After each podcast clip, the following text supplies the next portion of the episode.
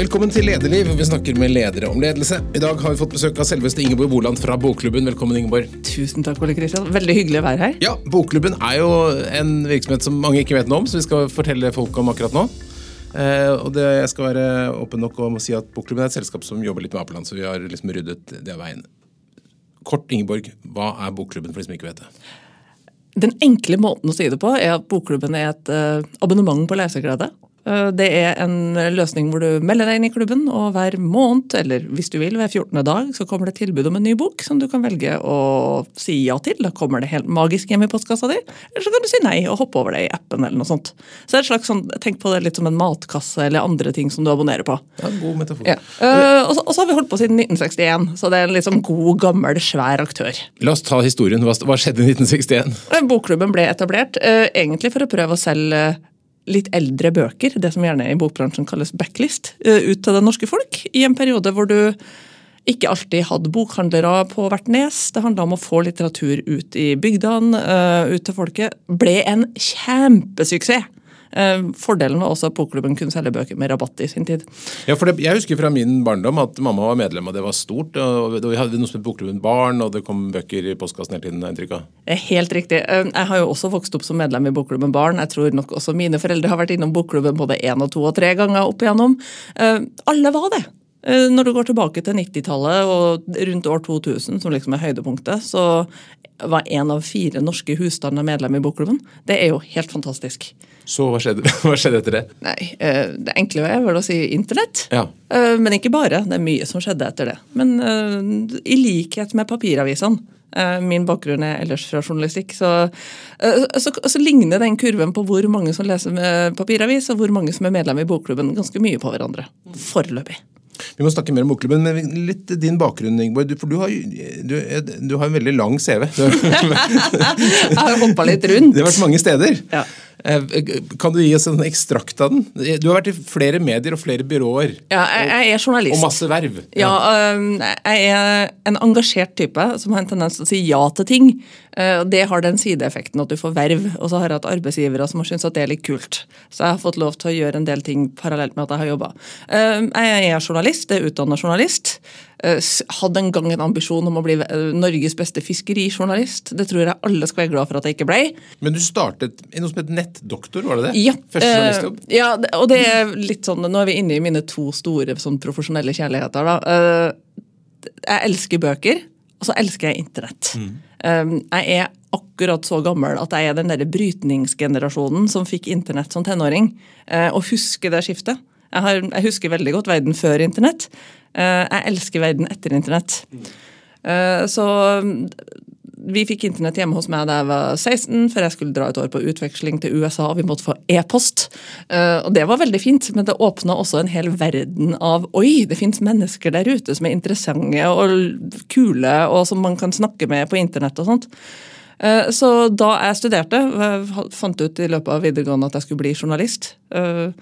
Fordi at det trenger man f.eks. ikke realfag for, og du trenger ikke å skjære i noen. eller noe sånt. Um, og så skjønte jeg at internett kom til å bli enormt viktig. Mm. Hva var det uh, første du gjorde på internett? Du, du, sa du fikk det hjemme. Husker du de første tingene du gjorde på internett? Uh, det første jeg gjorde på internett, var å sende e-post. Det er jeg ja. helt sikker på. Uh, men jeg er også av typen som har hatt eh, hjemmesider i GeoCities tilbake på 90-tallet. Og jeg har vært mye på sånn veldig tidlige sosiale medier, chattekanaler som IRC og sånt.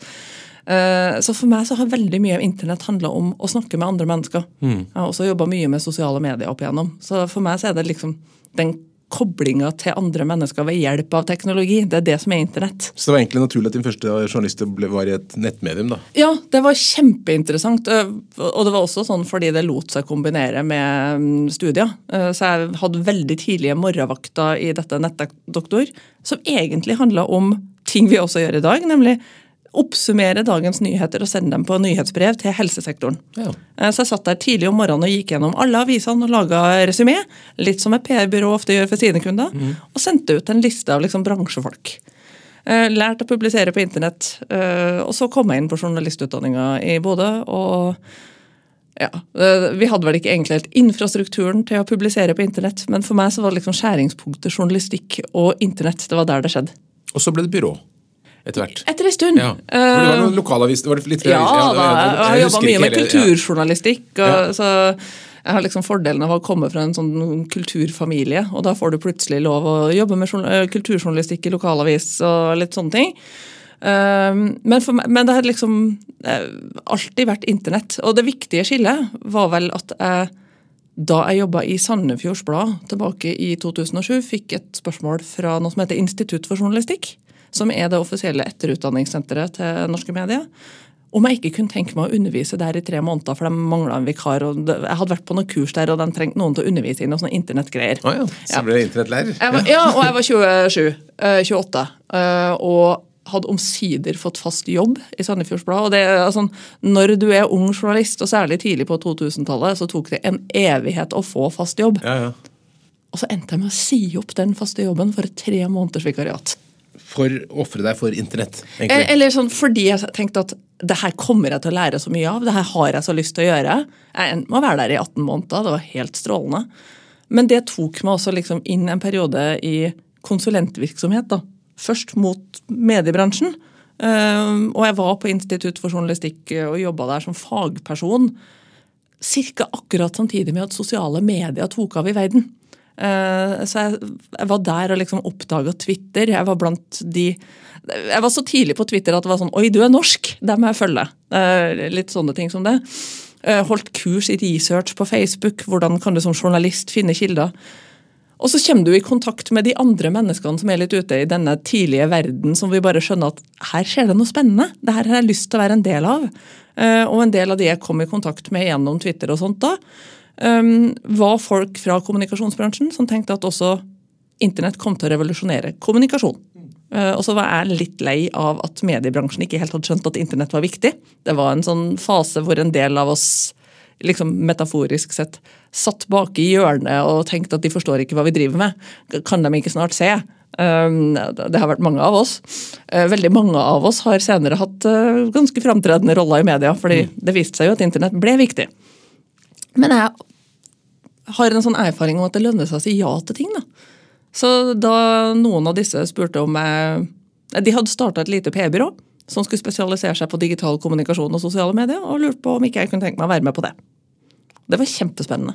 Og så ble det enda et byrå etterpå. Ja, og så ble det byrået del av et annet byrå i en fusjon. Og så fikk jeg sjansen til å jobbe i det som da var Norges største PR-byrå, Gambit Hill Nolton, og hadde et sånn fagansvar for digital kommunikasjon der. Så jeg lærte jo sjukt masse som du ikke lærer som journalist. Eh, F.eks. om hva er strategi? Hva prøver vi å gjøre her? Eh, Så jeg fikk brukt de der tingene du kan som journalist. Skrive og lese og trene og intervjue folk og alle sånne ting. Men jeg lærte også hvordan funker business. Altså, hvordan selger jeg meg sjøl som konsulent? Um, hvordan virker ulike bransjer? Hva slags råd trenger disse? Uh, og det er jo ting jeg har hatt enormt glede av da jeg kom tilbake til mediebransjen. Ja, for det er litt uvanlig. Det er mange journalister som går til P-bransjen, men det er ikke så mange som går tilbake til journalistikk. Nei, jeg, skulle av og til ønske at det der var litt sånn mer avmystifisert. Altså. Fordi For min del så handla det om at omsider var mediebransjen klar til å ta internett på alvor. Eh, og jeg hadde jobba da fem-seks år, mer eller mindre full tid med digital kommunikasjon og sosiale medier. Og så får jeg en henvendelse fra NRK som er på jakt etter sin første sosiale medierådgiver. Eh, Så jeg fikk jo sjansen til å prøve å bygge opp sosiale medier som fagfelt i NRK. Eh, Jeg har alltid likt skikkelig vanskelige ting som ikke har noe fasit, så jeg kunne jo ikke si nei til det.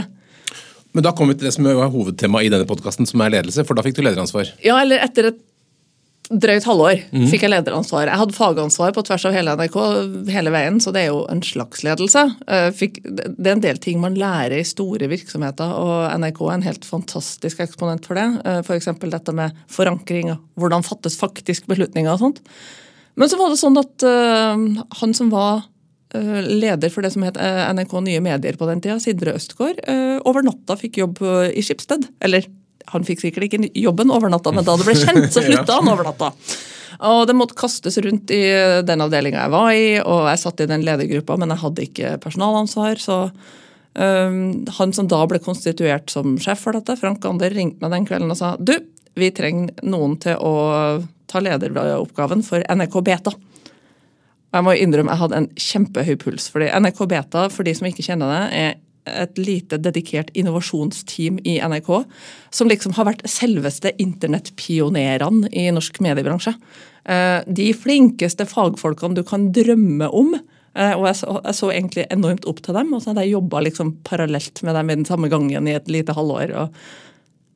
Så jeg sa jo ja, men jeg ante jo ikke hva jeg gikk til. Hvordan gikk det? Det første som skjedde, var at de virkelig ikke ville ha meg, da. Um, de mest toneangivende i NRK Beta, et par veldig fine folk, uh, hadde nok fått for seg hva slags person jeg var, uten at de egentlig kjente meg veldig godt. Og så er jo ikke endringer gøy for noen. Uh, så Erik Solheim, som en del kjenner til, og Marius Arnesen, som er NRK Beta-redaktør i dag, de var ganske sånn tydelige overfor vår avdelingssjef Frank Ander at hun der, hun vil vi ikke ha. Hvordan føltes det? Åh, det var Vet du hva, jeg tror jeg var mest sint og litt sånn lei meg. Fordi sånn Hvorfor tror de at de kjenner meg? Uh, men Og så må du på en måte bare legge fra deg det og, og, og, og, tenke at nå har jeg fått en tillit, nå må vi prøve å finne ut av det her. Uh, det var første gangen jeg fått, måtte kjenne den der lederdelen av nå må du legge deg sjøl og følelsene dine litt til side, og prøve å finne ut hva som ligger egentlig bak her. Den eh, viktigste læringa jeg har hatt noen gang, fikk jeg liksom på dag to med personalansvar. Uh, og så satte vi oss ned, jeg og hver av dem, og snakka gjennom hva, hvordan ser verden ut, og hva er det du er opptatt av, og hva er viktig for deg. Og, og, så hadde jeg også da en sjef, Frank Gander, som la veldig mye prestisje inn overfor den gjengen på at uh, dere skal gi hun der en ordentlig sjanse, for hun er flinkere enn dere vet. Jeg eh, kommer alltid til å elske Frank Gander for akkurat det, fordi at de respekterte han nok til at de ga meg en sjanse. de aksepterte deg, ja. ja. Eh, og så gikk det sjukt bra! Eh, så jeg har en veldig veldig god relasjon til NRK Beta. og jeg tror faktisk jeg er offisielt æresmedlem i NRK Beta den dag i dag. men, men, da fant du en slags oppskrift på ledelse som skulle funke i den avdelingen. Hva var, som, hva var oppskriften? Hvordan skulle du være som leder? For meg så handler ledelse veldig mye om å heie på folka dine. Eh, og prøv å legge til rette for, eh, i hvert fall når du har med sånne sjølmotiverte, skikkelig flinke folk å gjøre, legg til rette for at eh, de får gjort det som er ordentlig viktig for dem, samtidig som du bidrar til å legge litt rammer for hvilken retning de sender den energien i. Så det handler litt om retning og ganske mye om tilrettelegging. Og lytte, være til stede og sånn. Hvordan virker du? Hva slags menneske er du? Og det lærte jeg veldig fort i den gjengen der, at det som er viktig for folk, er helt forskjellig. Selv om de jobber mye med det samme og har ganske lik bakgrunn og kompetanse, så er folk motivert av helt forskjellige ting. Hvordan finner du det ut? Prate med folk. Høre på folk. Eh, det har vært det viktigste jeg har gjort i alle de jobbene jeg har hatt siden. Det er å ha veldig sånn tidlige, åpne møter med 'hei, hvem er du'? Hva er viktig for deg? Hvordan er livet ditt? Eh, hva syns du er gøy? Når har du det best på jobben? Hva frustrerer deg? Eh, noen får helt krupp av reiseregninga. Betyr ikke at de ikke må gjøres, men du kan prøve å gjøre det så smidig som mulig. Eh, andre har en situasjon hvor du kan gjøre småting med å tilrettelegge på fravær fordi de har noen syke barn. Altså, de tinga som gjør at de kan prestere best på jobben. Det er min jobb som leder, det jeg tenker på. Så du er opptatt av å ha litt kontroll på privatlivet deres? Eh, I den grad de vil slippe meg inn, ja. ja. Uh, har du blitt overrasket noen ganger på at uh, motivasjonen er annen enn du hadde trodd? Å, mange. Uh, og det, det, viktigste jeg har lært, er at jeg må søren ikke tro at jeg er noen målestokk for hvordan andre folk virker. og jeg har blitt utrolig glad i forskjellighet. Det er kanskje det viktigste av det her. Jeg er sånn genuint ekte glad i å ha forskjellige typer mennesker rundt meg. så jeg er nesten sånn notorisk redd for å få for like folk og for få mye ja-mennesker rundt meg. og sånt, fordi det beste skjer når folk som fungerer helt forskjellig, finner en måte å jobbe sammen på. Uh, og jeg har leda utviklere uh, som jo gir fullstendig blaffen i hva som er den overordna strategien, og hvor skal vi, og de tingene som man liksom lærer på lederkurs at du skal jobbe med. Men som har jeg kunnet komme til den utvikleren og sagt jeg har et problem. Og så vet jeg ikke hva vi kan gjøre med det. Kan ikke du hjelpe meg å tenke litt på det her? Og så i, dette tilfellet en flink fyr i Dagens Næringsliv som heter Adrian Solumsmo, så kommer han tilbake to dager etterpå og sier du, nå har jeg bygd en sak. Uh, så det er et eller annet med bare å skjønne hvordan hjernen til folk virker. Hadde jeg kommet til han og sagt jeg vil at du skal bygge dette, så hadde ikke A, jeg hadde ikke visst hva han skulle ha laga. Det hadde vært en skikkelig dum idé. Eh, og B, han hadde ikke vært, fått den motivasjonen av å løse problemet. eh, Og få energien av å få gjøre det på sin måte. Så det er et eller annet Man skjønner hva slags knapper kan jeg trykke på for hver enkelt. da.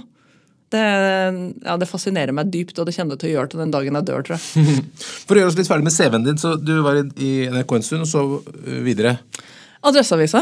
Eh, igjen, eh, jeg har et par ledere som har betydd veldig mye for meg. og jeg kommer tilbake til Frank Galler, som da var den som ga meg lederansvar i NRK. Han var også den som tok meg til side en dag og sier du, eh, det er en jobb tilgjengelig i Trondheim som jeg har lyst til å foreslå deg for. Det er en av ja, de fineste uvanlig. tingene noen har gjort for meg noen gang. Eh, og jeg tror ikke at det var fordi Frank ville bli kvitt meg. Eh, vi har en god relasjon i dag. Men rett og slett det at noen sa 'jeg tror du er klar for større ting'. Eh, klar for andre typer lederoppgaver. Eh, og så er jeg jo trønder, og sjansen til å være med og digitalisere Norges eldste avis var jo litt for fristende. Eh, så jeg tok på meg jobben som utviklingsredaktør i Adresseavisa tilbake i ja, 2016. Og så ble det Oslo igjen. Ja, eh, litt sånn privatliv og sånne ting. Ja. Jeg elsker Adresseavisa, jeg elsker Trondheim. Uh, kunne godt ha blitt lenger der. Uh, jeg har en samboer som ikke var helt enig, uh, så jeg drev og pendla et par år. og det blir ganske slitsomt. Og så bød det seg en annen mulighet i kanskje det ene mediehuset jeg har hatt enda større journalistisk respekt for, f.eks. enn Adressa og NRK, nemlig Dagens Næringsliv. Som var i en litt sånn lik situasjon. Har vært litt sånn papirdrevet ganske lenge skulle virkelig ta internett på alvor. eh, Og jeg var en av de som fikk sjansen til å være med og si hvordan skal vi pakke sammen denne journalistikken på en sånn måte at folk har lyst til å bruke den på internett og betale for det. Og det var helt strålende. Så jeg var tre år i Dagens Næringsliv som en del av en sånn ledergruppe som drev en kjempestor digital transformasjon med den beste journalistikken i verden. Det er kjempegøy. Og da har du egentlig vært med fra en fase hvor medier og aviser var papir, og liksom man prøvde å presse inn internett, til det digitale har blitt hovedprodukt, og papir er noe sånn som man holder på litt på siden og lurer på om man skal fortsette med. Helt riktig. Hvor lenge lever papiravisen, tror du? Uh, det der er en sånn hvor lang er et strikkspørsmål. Uh, fordi den kommer til å leve mye kortere enn det fins folk som vil ha den. Eh, for det blir på et eller annet tidspunkt for dyrt å utvide den. Og det er jo det man lærer på et tidspunkt eh, som medieleder og sånt også. Det handler veldig mye om hvordan ser den kalkylen ut for det produktet. Eh, Nå har avispapiret blitt så mye dyrere, for det lages mye mindre av det. Og det må trykkes i mindre kvantum, så hver avis blir ganske dyr. Du ser det nå på at en del lokalaviser og regionalaviser i Norge begynner å ta ned frekvensen. Du kommer til å ha papiraviser, men ikke i dagens form. Eh, Men du kommer til å ha papiraviser ganske lenge. Men ikke hver dag. Men denne sånn 20-25-årsperioden da, med overgangen fra papir til digitalt, altså en ting er da distribusjonsformen er endret, men hvordan har det endret journalistikken? Jeg vil primært si til det bedre. Det er det enkle. Sjøl Selv om det er lett å liksom si å, man har blitt så klikkbasert eller overskriftsbasert eller oi, man ja. Eh, Noe av det beste som har skjedd journalistikken, er at du har fått ekte data om hvordan folk bruker den. Eh, nå har jeg et rykte på meg som eh, den forrige mediebransjens største nerd. da. Altså, jeg er litt sånn i overkant glad i analyse og data. Men det å faktisk vite om noen bruker innholdet du lager, eh, er jo kjempeviktig. Tor Gjermund Eriksen pleide å si da han var kringkastingssjef at innholdet har ingen verdi før det møter publikum. Og det er sånn som har sittet igjen veldig mye for meg. Eh, jeg tror nok det opp gjennom tidene har vært laga veldig mye journalistikk publisert i papiraviser som veldig få har lest. Eh, forskjellen er at du nå har fått vite det, eh, og da kan du velge å gjøre noe med det. Og journalistikken har blitt bredere, flinkere til å forklare, flinkere til å forstå hvem som bruker den og til hva.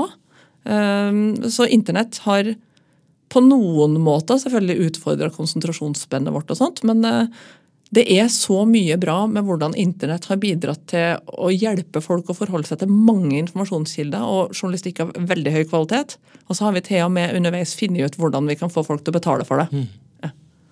Men det er et sånn interessant eh, dobbeltspor i din, eh, ditt liv. da, for På den ene siden så er det teknologi og internett og digitalisering, sånn, og på den andre siden så ligger det bok, som liksom er eh, relativt eh, traust medium. For, hvordan, hvordan ble din bokkjærlighet født?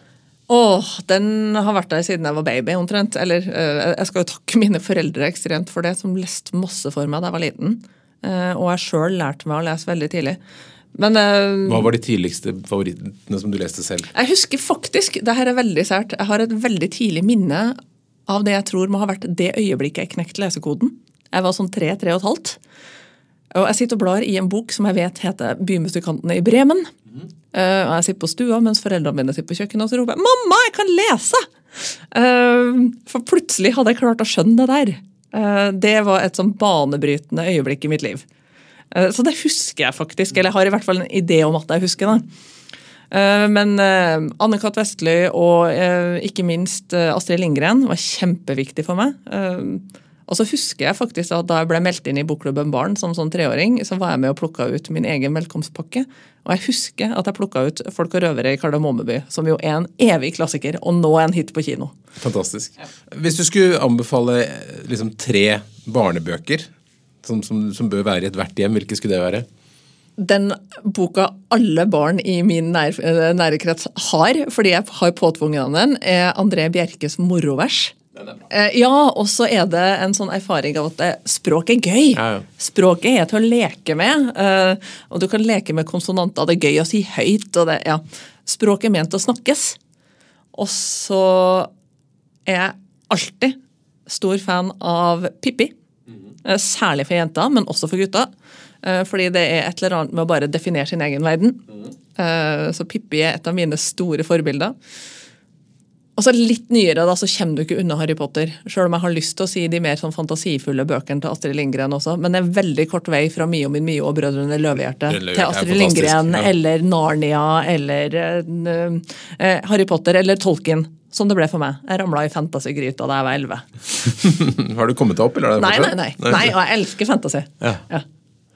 Men eh, nå har du altså da kommet til en eh, virksomhet som skal få folk til å lese. Du vil antagelig få flere medlemmer og selge flere bøker. Det ligger vel i sakens natur. Eh, hvordan står det til med lesingen i Norge? Eh, Sånn, generelt sett så er det ikke krise. Eh, Det syns jeg er veldig viktig å si. Vi snakker veldig mye om at eh, Eller mange har en sånn følelse av at 'å, jeg leser ikke så mye som jeg gjorde', eller 'jeg har lyst til å lese mer', eller noe sånt. Ja, og Unge gutter leser ikke i det hele tatt. Ja, nei, og det er litt problematisk. Eller der, vi har noen helt åpenbare utfordringer eh, blant unge voksne og eldre tenåringer. som må adresseres, men sånn generelt sett og for hele befolkninga så står det ganske bra til med lesing i Norge. Nordmenn leser mye, og vi leser mye på norsk. Og vi har en utrolig bra norsk litterær sektor som de fleste andre land med så små språk som oss bare kan drømme om. Så vi har jo også en liksom, kulturpolitikk som legger til rette for at det finnes god litteratur i Norge. Eh, Så sånn sett er det jo en fryd å få lov til å putte litt ekstra internett på dette og si vi skal hjelpe deg å finne de bøkene du elsker. Ja, For det kommer ut grusomt mange bøker. Du kan ikke lese alle. Nei, nei, nei, ingen kan lese alle. Eh, Jeg har noen, jeg har jo noen ansatte som faktisk har som jobb å lese mange hundre bøker i året. Eh, Det kan ikke de fleste. Hvor mange, vet du det? Vet du tallet? Hvor mange som kommer ut? Et sted mellom 6000 og 8000 titler, litt avhengig av hva du teller. Eh, og så er det jo mye av det som aldri leses av veldig mange. Eh, og så har du noen svære slagere, og det er fint. Og så, og så er vi mindre bestselgerfokusert enn mange tror. Og hvis mm, som I den jobben du har, da, så har du da oversikt over hva folk er interessert i. Hva, hva er trendene? Går det an å si? Er det noen sånne store mønstre, eller er det ganske tilfeldig hva som popper opp? Nei, altså, det som er kulest, syns jeg, er at de fleste av oss som lesere eh, er ganske sånn bredt anlagt. Eh, vi kan lese en interessant roman den ene dagen, vi kan lese noen ny norsk skjønnlitteratur, vi kan lese tegneserier, vi kan lese poesi. eh, og, og sakprosa, ikke minst. Det utgis masse fantastisk bra bøker som også handler om ting som har skjedd, og ikke ting folk har funnet på. Eh, så de fleste av oss liker jo litt av alt. Det er kjempebra. Og så er det jo sånn at du har en kaller det modus for lesing da, hos de fleste av oss, hvor eh, det, det fins lesesituasjoner hvor du bare vil slå av hjernen og sette deg sjæl i fri, og ikke kreve så mye av deg sjæl. Der er vi mer sånn enten-eller. Eh, Noen elsker krim. Andre sier jeg skal i hvert fall ikke lese krim. Det er veldig sånn tydelige sjangerdistinksjoner. Ja, ja. Eh, Mens de som da ikke leser krim, vil kanskje ha en historisk roman, men da med stole på det som er fakta der. Eh, Eller eh, romantisk komedie i bokform, som jeg gjerne kaller det her da, såkalte damelitteraturen. Jeg syns den er helt fantastisk, mye av den. Eh, Fantasy, science fiction. Men det er litt som med film, da. At når du bare skal kose deg og få velge filmen sjøl, og det ikke skal kreve noe av deg, så har du noen ting du går til. Sånn har vi det med bøker også. Og så skjer det noen sånne svære tendenser akkurat nå, delvis drevet av f.eks. TikTok. Som man jo kan si mye om, men for bøker så har det den fine delen at eh, det faktisk mobiliserer en del unge folk til, unnskyld, unge folk til å lese. Eh, så mm, du ser nå at det dukker opp en egen sånn kategori bøker på engelsk målretta mot unge voksne i norske bokhandler. Og det er takket være TikTok. Er TikTok uh, lesingens redning? Eh, det er i hvert fall en, en del av verktøykassa. Eh, jeg vil ikke si at det er lesingas redning alene, men jeg er for alle ting som får folk til å ha lyst til å lese. Fordi jobben min er å få folk til å huske på hvor deilig det er å forholde seg til store historier. Eh, og det er vi vant til, for det gjør vi i TV-serier. Det gjør vi i dataspill.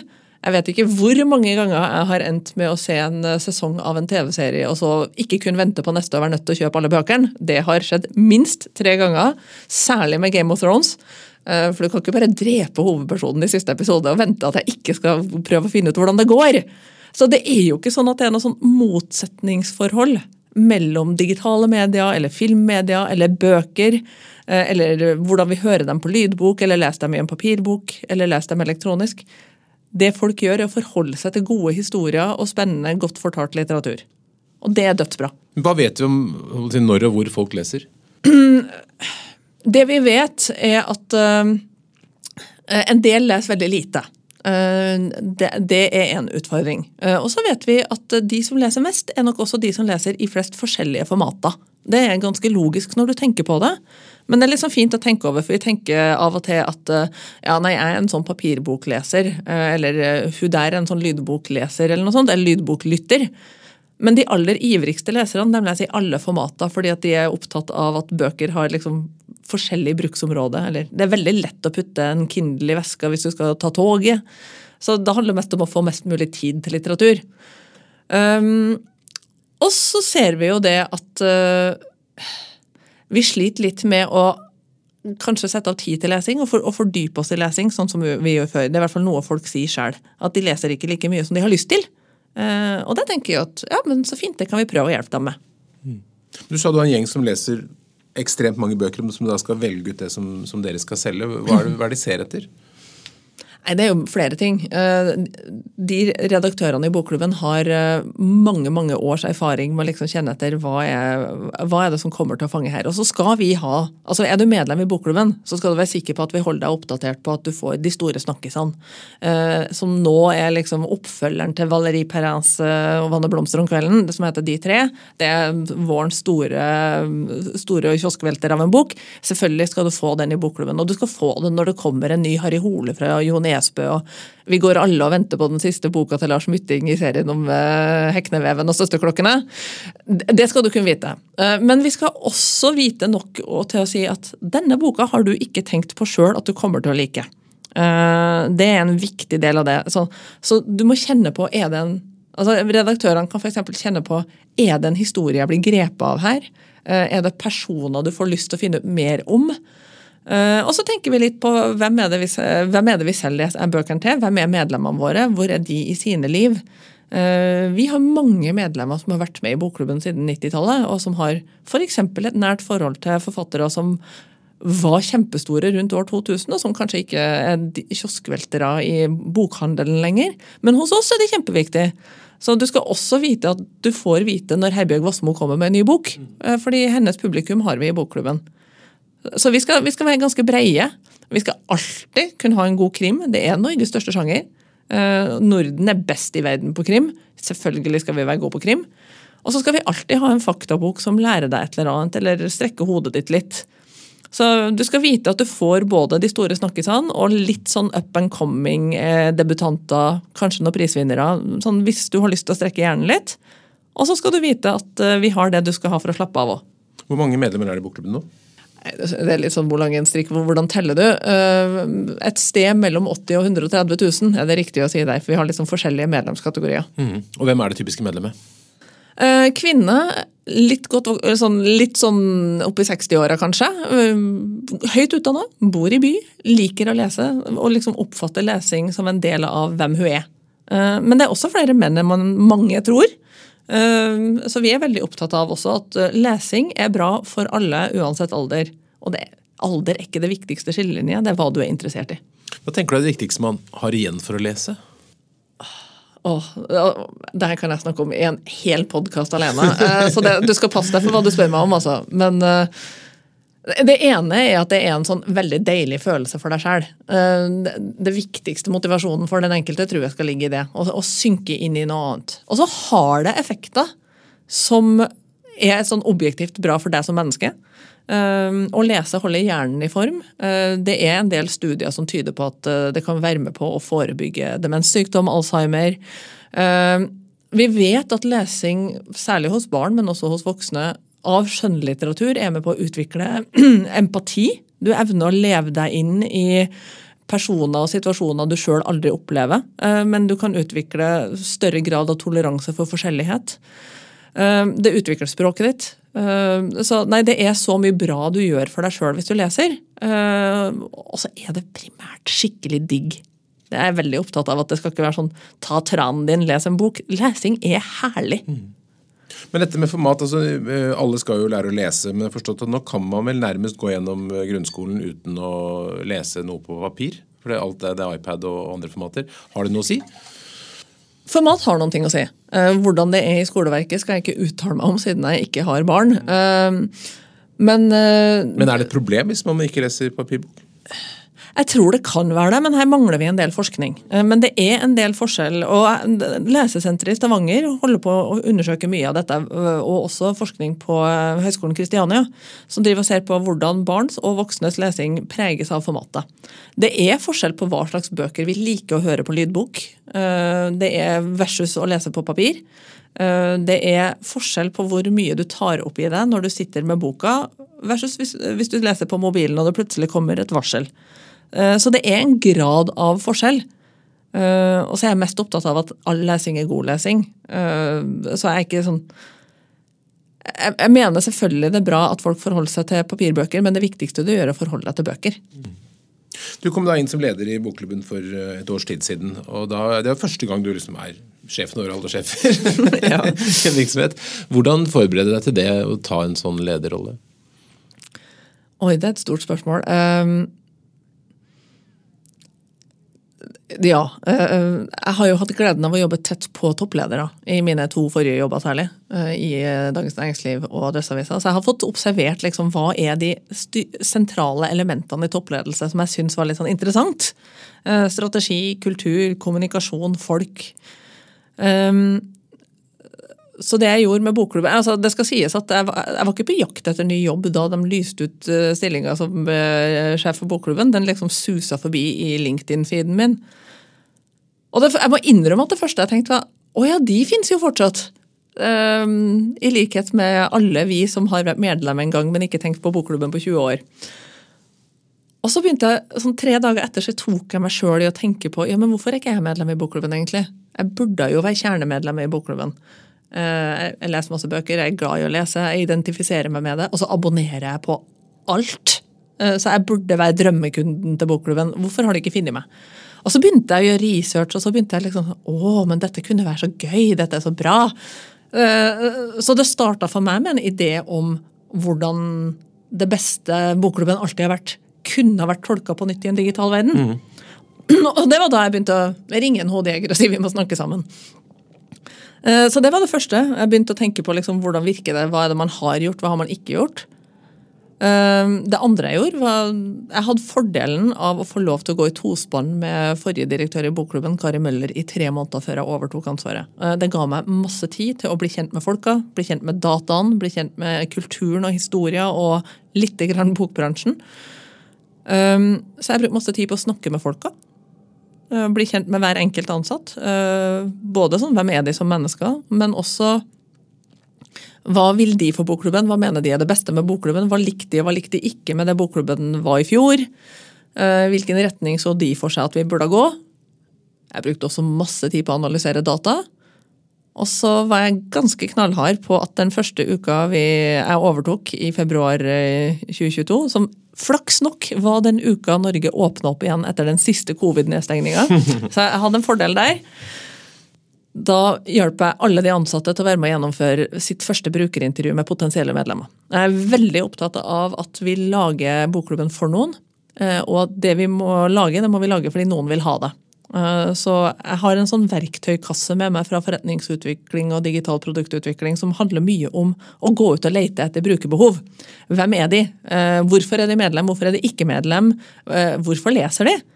Eh, Så det å innføre en kultur hvor vi rutinemessig både gjør brukerintervjuer og fokusgrupper og intervjuer alle vi møter på ved vei om hva leser du da, Ole Kristian? Å og være genuint nysgjerrig på potensielle medlemmer. Det var liksom det tredje. Og det er der ideene kommer fra. Tror du det er noe som mangler i mange virksomheter? Ja, ja, ja. ja. Eh, Jeg innførte jo dette delvis i Adresseavisa og litt mer i Dagens Næringsliv. Og for journalister å gå ut og snakke med de som bruker journalistikken, ikke som kilde, men som bruker, det var en kjempeovergang. Eh, Så hvis jeg skal bedømme på de virksomhetene jeg har vært i, så er det å ut og snakke med de som bruker det du lager, eller de som burde bruke det du lager, eh, det er jo noe av det mest verdifulle du gjør. Jeg er veldig opptatt av det som toppleder, at det her, det her skal jeg gå foran på. Og det er så viktig at jeg skal bry meg. Så den brukertilnærmingen er da én sånn øh, fundament i lederstilen din. Er det andre, hvilke andre ting skal prege deg som leder, tenker du? Det, det er den her trua på at folka dine er flinke og vil bra ting. Eh, Og du skal hjelpe dem til å få til det. For klarer vi det, og dra sånn cirka i samme retning, da blir det bra. Så jeg er veldig opptatt av lederens rolle som tilrettelegger. og drive kompetanseutvikling og bringe litt sånn nye tanker inn og koble folk på litt nye måter. Se noen muligheter som folk kanskje ikke ser sjøl.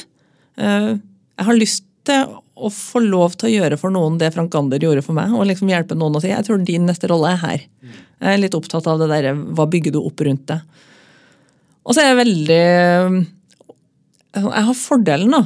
Nå har vi snakka litt om min litt sånn virrete CV og hva jeg har gjort. Jeg har fordelen av å ha blitt ganske tverrfaglig. Eh, Så jeg er litt opptatt av å bruke verktøykassa fra alle fag, eh, også som leder. eh, Og være nysgjerrig og hele tida ha lyst til å lære. Så det jeg jo nok har innført i bokklubben, er litt andre analyseparameter enn vi har jobba med før. Ting som ligner mer på det du jobber med i abonnement i avisene. For å si har me- medlemmene våre det godt i dag? Hvordan kan vi gjøre det bedre? Sånn at de blir med oss lenger og har lyst til å kjøpe flere bøker. Hvordan har du tenkt å gjøre det bedre for medlemmene?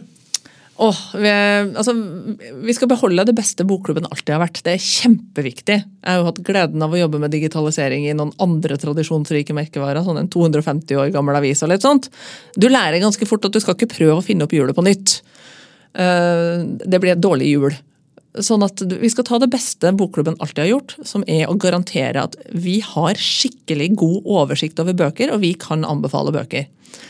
Og så skal vi gjøre det litt smartere fordi vi har fordelen av at medlemmene våre er medlem veldig lenge. Og de er stort sett medlem for å kjøpe bøker til seg sjøl. Så vi skal bruke de dataene de da oppgir om hva de liker og ikke liker, og hva de kjøper og ikke kjøper, til å lage de anbefalingene kjempebra. Fordi sjøl når hver enkelt bok vi anbefaler er bra, så er jo leserne forskjellige. Mm. Så det kan være at du heller vil ha Quislings koffert enn den boka til Valérie Perrin. Eh, Det skal dataene våre kunne hjelpe deg med. Og så skal vi gi deg sjansen til å kjøpe den andre til kona. altså. Men da er vel Netflix den kanskje som har kommet lengst på sånne anbefalinger basert på hva de har gjort. Er, ligger det i kortene at dere skal ha øh, dataprogrammer som gjør at Ja, det har vi. Ja. Eh, Og det har vi hatt en stund, og før jeg kom inn i bildet, men vi skal gjøre det bedre. eh, Og vi skal utnytte det bedre. Det er et av våre store fortrinn. Og når vi snakker med medlemmene om de syns det er bra eller skummelt, så sier de 100% at det er bra. Eh, Så det skal vi skru opp. Eh, Og så har vi begynt å si at jobben vår er jo bare halvveis gjort når du har kjøpt den boka. Jobben vår er egentlig gjort når du har lest den, eh, og du er klar for neste. Så vi kommer til å tilføre litt sånn elementer, altså putte klubb tilbake i bokklubb. Eh, litt sånn forfattermøter, kanskje en digital lesesirkel, kanskje skal vi fysisk ut og møte folk. Eh, så kommer til å føre mer av det der fellesskapet av oss som leser. For det får vi høre mange syns hadde vært fint, og en del savner. Eh, For det er ikke gitt at eh, de du omgir deg med i hverdagen, leser det samme som du, og liker det samme som du. Men vi har de folka. Er bok en sosial ting? Ja, bøker er kjempe... Eller ja og nei. På samme måte som film er det, og serie er det. Um, bortsett fra at du stort sett leser boka alene. Men å snakke om bøker tilfører en ekstra dimensjon. Uh, og for noen så er det å synke ned i stolen alene 100% nok. Kjempefint. Da skal ikke vi kødde med det. Men for en del av oss andre så er det jo ikke noe som er gøyere enn å liksom snakke om ja, hvorfor tror du hun gjorde det i den boka, eller åh, det språket var jo noe helt magisk. Og det, og det er mange av oss, da. Uh, så jeg driver egentlig og lager den bokklubben jeg sjøl har lyst til å være med i. Det er et bra utgangspunkt. Eh, men eh, En ting er jo da datamaskiner som velger ut bøker, men når kommer vi dit at en eller annen kunstig intelligensløsning bare skriver den boken som du vet at jeg vil ha? Det er vi jo nærmere enn eh, vi liker å tro, forutsatt at det du liker er fullstendig forutsigbart. Eh, men kunst har den fine tingen at eh, det foreløpig i hvert fall er veldig vanskelig å replisere original kreativitet. Og jeg har jo jobba masse med teknologi. Jeg er superoptimistisk på vegne av det, liksom, hva teknologi kan gjøre for oss. Men jeg er også kjempeoptimistisk på at kreativitet og unikhet fortsatt kommer til å være så viktig og så definerende. da. Um, det kan godt være at jeg skulle ha bedt ChatGPT om å prøve å skrive den neste boka til Jo Nesbø, for det er en del formler i krim. Hvis du kjører inn alle Nesbø-bøkene ja, så det, det, altså, det, det er godt mulig at det kun har funka ganske bra. Men hjernen til Jo Nesbø har en egen evne til å finne på noe nytt hver gang. Eh, og eh, Hjernen til billedkunstner Lars Elling, som debuterte som skjønnlitterær forfatter i fjor, med en fantastisk bok som har et sånt språk som du bare får lyst til å spise opp det lar seg ikke gjenskape sånn umiddelbart, i hvert fall. Så jeg tror vi er ganske langt unna at den menneskelige kreativiteten blir overflødig. Men, men, tror du det kommer? Tror du vi får dataskrevne bøker? Ja, det tror jeg. Uh, om de blir bra, vet jeg ikke. men du skal da um, forandre på en etablert institusjon med uh, 100 000 mennesker som er vant til noe. Hva tenker du om liksom, hastigheten på forandring? Jeg, altså, jeg vil jo alltid løpe fort, og så har jeg lært meg at det er skikkelig dust. Mm. Uh, dette er erfaring og har gått på trynet noen ganger. Uh, en av mine, altså, jeg er veldig sånn endringsorientert og endringspositiv som menneske. Jeg er alltid opptatt av å lære det nye. Kanskje et uttrykk for det den der CV-en hvor jeg har liksom bytta jobb hvert andre, tredje, fjerde år. Um, og Det har alltid vært motivert av læring. Så for meg så er det der en kjemperisiko som leder, da, at jeg løper for fort for både medlemmene og folka i staben. Eh, det er det vanskeligste jeg står i akkurat nå. Eh, fordelen er Har du ansatt et par til å holde deg tilbake? Ja, det har jeg. Og så er vi en bitte liten gjeng, så det er grenser for hvor mye vi kan få gjort samtidig. Eh, og det, Man blir tvunget til å prioritere veldig hardt. Hva har størst verdi for flest mulig av medlemmene og de potensielle medlemmene? Da er det der vi begynner, for å få businessen til å gå rundt. Eh, så i hele vår, og så får vi se hvor lang tid det går å liksom få det til å funke. Men i hele vår så er det viktigste vi gjør, er å gjøre bokklubben gradvis litt bedre for de folka som er medlem, og de nye som kommer til. Og de tinga vi snakka om nå. Og så går jeg og klør i fingrene etter å ha lyst til å begynne å jobbe med hva liksom skal være den neste utgaven av Bokklubben Barn. Fordi det må bli så bra. Og det er så viktig at vi gjør noe bra for barn. Men det kommer til å være nødt til å vente. Eh, og det er liksom min jobb oppi det her. da, Å mm. tøyle meg sjøl og dra meg sjøl litt i nakkeskinnet og si én ting om gangen, Ingeborg. Én ting om gangen. Hvis du, får, hvis du, får, det som du vil, da, kanskje hjelp av litt sånne fantasy, magiske krefter, hvordan ser bokklubben ut om fem år? Ti år? Mye er likt. Mye handler om det der evige at eh, det folk sliter med, eh, er å finne den boka de har lyst til å lese, og gjerne bli litt overraska. Eh, det er det vi får høre. At eh, det viktigste folk er på jakt etter, når de da setter seg ned og leser, er at det skal være noe de faktisk har glede av. Eh, og det skal være nøkkelen i det vi holder på med. Men så er det så mange grupper jeg har lyst til at vi skal få til det for. Så vi starter jo nå med de voksne, og så kommer vi til å være nødt til å jobbe med barn og etter hvert ungdom. Starte med barna først, rett og slett fordi at da rekrutterer vi ungdommene i framtida. Og så har jeg lyst til at vi skal bredde oss inn i nettopp det å forstå flere folk sine preferanser og mønster på f.eks. fantasy eller historiske romaner, de, den sjangerlitteraturen som vi nok ikke er gode nok på i dag, og kommer til å trenge å bli bedre på.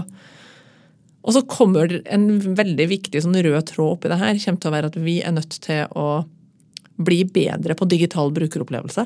Uh, I likhet med alle andre i hele verden. Eh, jeg sammenligna også i sted med Hello Fresh eller Netflix. Altså, det må være like lett å håndtere medlemskapet ditt i bokklubben og finne noe gøy som det er å bestille en time på Sats eller hoppe over den neste leveransen fra Hello Fresh. Mm. Så det er en ting vi jobber veldig mye med nå, og det kommer til å være en bærebjelke i det vi gjør. Teknologi, brukeropplevelse og data. Hva er det du tenker og grubler mest på nå på veien mot denne suksessen? Hvordan klarer jeg å få flest mulig til å ha skikkelig lyst på en bok, sånn at de ikke har lyst til å avbestille den. Kommunikasjon er superviktig i det vi holder på med. Eh, så det vi holder på med nå, er jo ganske sånn grunnleggende ting i medlemskommunikasjon. Eh, men det handler om å skru opp den inspirasjonsfaktoren litt. Eh, og det er den fordelen jeg har som kommer utenfra inn i bokklubben. Da. Mange har vært der veldig lenge og er dødsflinke. Og så stiller jeg noen spørsmål som man kanskje har glemt å stille seg sjøl opp igjennom. litt sånn eller som vår medlem som markedssjef Arnbjørn sa, hvem er egentlig Heibjørg Wassmo? Altså, har du vært lenge et sted, så går du deg litt som blind i hva som er institusjonalisert kunnskap.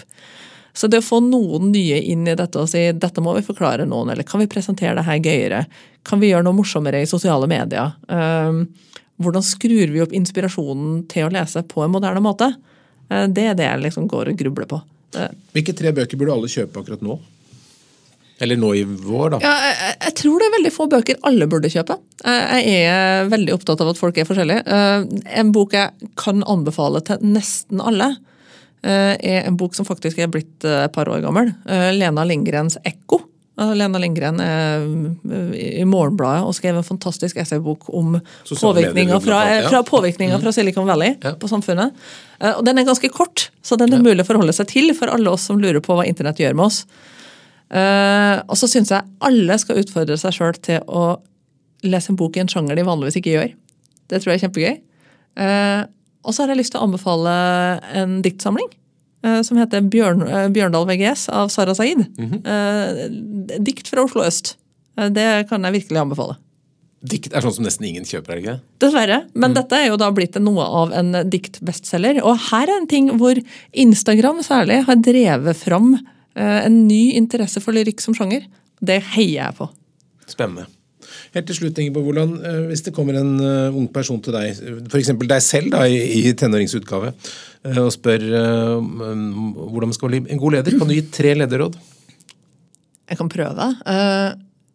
jeg tror den tingen jeg har hatt mest glede av at noen sa til meg, det fikk jeg fra en vaktsjef i daværende Nordlands Framtid. Um, som kom en kveld Jeg hadde kveldsvakt som reporter og bare sto henslengt i kontordøra og sa du Ingeborg, vil du at jeg skal si det til deg nå, eller vil du at 50 000 lesere i morgen skal oppdage at du er teit? um, Viggo Gerhardsen skylder Hva er rådet? uh, og, og, og, og, rådet mitt er at uh, bruk kollegaene dine og liksom bruk dem til å gjøre deg sjøl bedre. Uh, ingen av oss er perfekt. vær åpen for innspill og tilbakemeldinger og forbedringer, og ikke ta det personlig. Mm. Det er en mulighet til å bli bedre. Eh, så det har vært en av mine viktigste. Det er av og til skikkelig vanskelig, men eh, vil du at jeg skal si det nå, eller vil du at alle de andre skal se at du er teit? Den er ganske bra. Eh, det andre tipset jeg har, er å si ja til ting. Jeg har sikkert sagt ja til altfor mange ting i mitt liv, men det har også ført til at jeg har fått muligheter. Jeg ante jo ikke hva jeg gikk til da jeg sa ja til å bli sjef i NRK Beta over natta, men jeg angrer jo ikke. Det er det viktigste og beste jeg har gjort. Jeg har sagt ja til verv jeg ikke ante hva innebar, men det har gått bra. Det meste går bra. Mm. Da er det som Pippi-sitat, er det ikke? Det, det... Ja, det har jeg ikke gjort før, så det går sikkert bra. Ja. Eh, det, det, er et av mine livs viktigste liksom, levesetninger. det. Og så tror jeg det tredje til alle, enten du skal være leder eller ikke, men særlig hvis du skal være leder, er å være opptatt av folk, ta vare på folk og være snill med folk. Eh, for det første så vet du aldri når den som du uh, har det inne som praksisstudent, plutselig kommer tilbake og er sjefen din. Det har jeg nemlig vært overfor mm. en som var veilederen min i praksis. Det var gøy. Um, men, men, også fordi at uh, folk er fine. Uh, og det å kjenne mange folk og vite hvordan de virker, uh, gir masse muligheter og masse inspirasjon, og det lærer deg nye ting. Bruk folk, si ja, vær snill med folk. Gode råd. Ingeborg Woland, tusen takk for at du kom til Lederliv. Lederliv vær en podkast fra Apeland. Redaksjonen består av Ingrid Hogneland, Lars Volden, Lars Jarle Melum og meg som heter Ole Kristian Apeland. Vi treffes på e-post oleatapeland.no hvis du har ris, ros, tips om ledere, kjeft, hva som helst. Bare send. Takk for at du lytter.